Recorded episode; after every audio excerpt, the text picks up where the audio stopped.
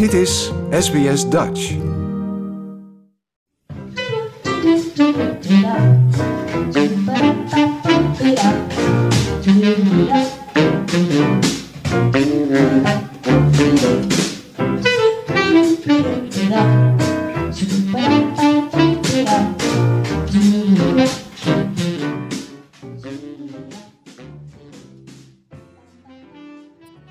Dan maar Dick. Ik zal het maar meteen bekennen. Ik ben een bewonderaar van Annie-Maria Geertruida Schmid. En dat komt omdat ze een heel bijzonder en typisch Nederlands mens was, die van bijna alles een goed gedicht, lied of verhaal kon schrijven. Voor iedereen, maar vooral voor kinderen. Ik denk dat ze nog steeds de bekendste Nederlandse schrijfster was. Een echt mens die meer dan 25 jaar na haar dood de mensen nog steeds weet te vermaken en te ontroeren. Ja, wie kent niet de familie Doorsnee, pension Hommelus, ja zuster, nee zuster, Pluk van de Pettenflat, Chip en Janneke en nog heel veel andere hoogtepunten. Annie Smit, een vrouw die tegelijkertijd geniaal was en ook doodgewoon, die kritisch was en toch ook wijs. En Nederlandser kan dat niet. Op mijn zoektocht naar ijzersterke poëzie kom ik haar vaak tegen. En dan vind ik haar gedichten bijna altijd zo treffend dat ik ze graag met mijn lezers en luisteraars wil delen. En vorige week kwam ik twee totaal verschillende gedichten van haar tegen, die ik nog nooit had gelezen of gehoord en die mij meteen raakten. En die wil ik graag delen. Ik laat haar aan het woord bij een gedicht dat vanzelf spreekt. Hier komt het aan een klein meisje. Dit is het land waar grote mensen wonen. Je, je hoeft er nog niet in, het is er boos. Er zijn geen veeën meer, er zijn hormonen en altijd is er weer wat anders los. En in dit land zijn alle avonturen hetzelfde van een man en van een vrouw en achter elke muur zijn andere muren en nooit een eenhoorn of een bietenbal. Alle dingen hebben hier twee kanten. En alle teddyberen zijn hier dood. En boze stukken staan in boze kranten. En dat doen boze mannen voor hun brood.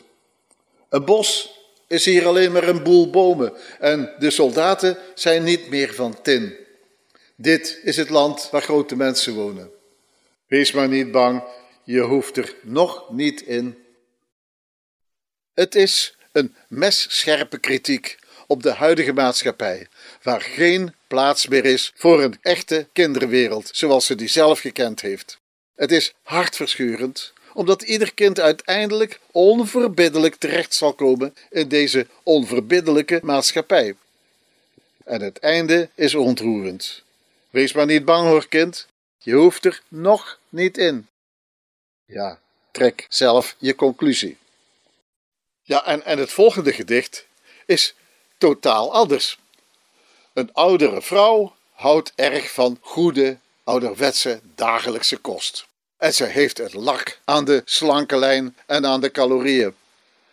En de gevolgen, zoals dik worden, die kunnen haar gewoon niet schelen. Hier is ongezond eten geen stiekeme slapheid, maar een trotse keuze.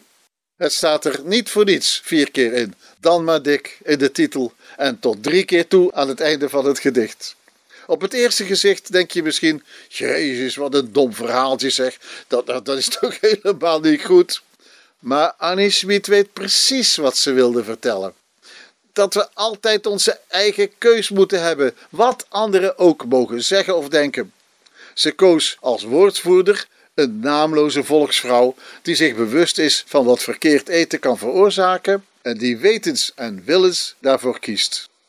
En dat is knap van haar. En het is ook ontroerend hoe deze dichter haar het laatste woord geeft met haar volle sympathie. Hier komt het. Dan maar dik. Ik hou van aardappels en jus met veel gehak. Ik hou van rolpens en van varkenskoteletten. Ik hou van koffie met veel suiker en gebak. Ik hou van pudding en van warme kroketten.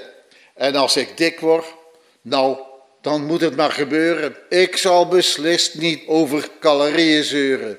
En zonder taartje is het leven veel te grauw.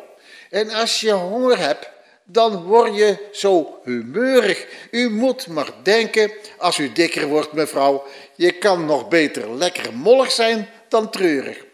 En als ik dik word, nou, dan zal ik het wel merken. Ik ga mijn leven niet met rauwe groenten werken.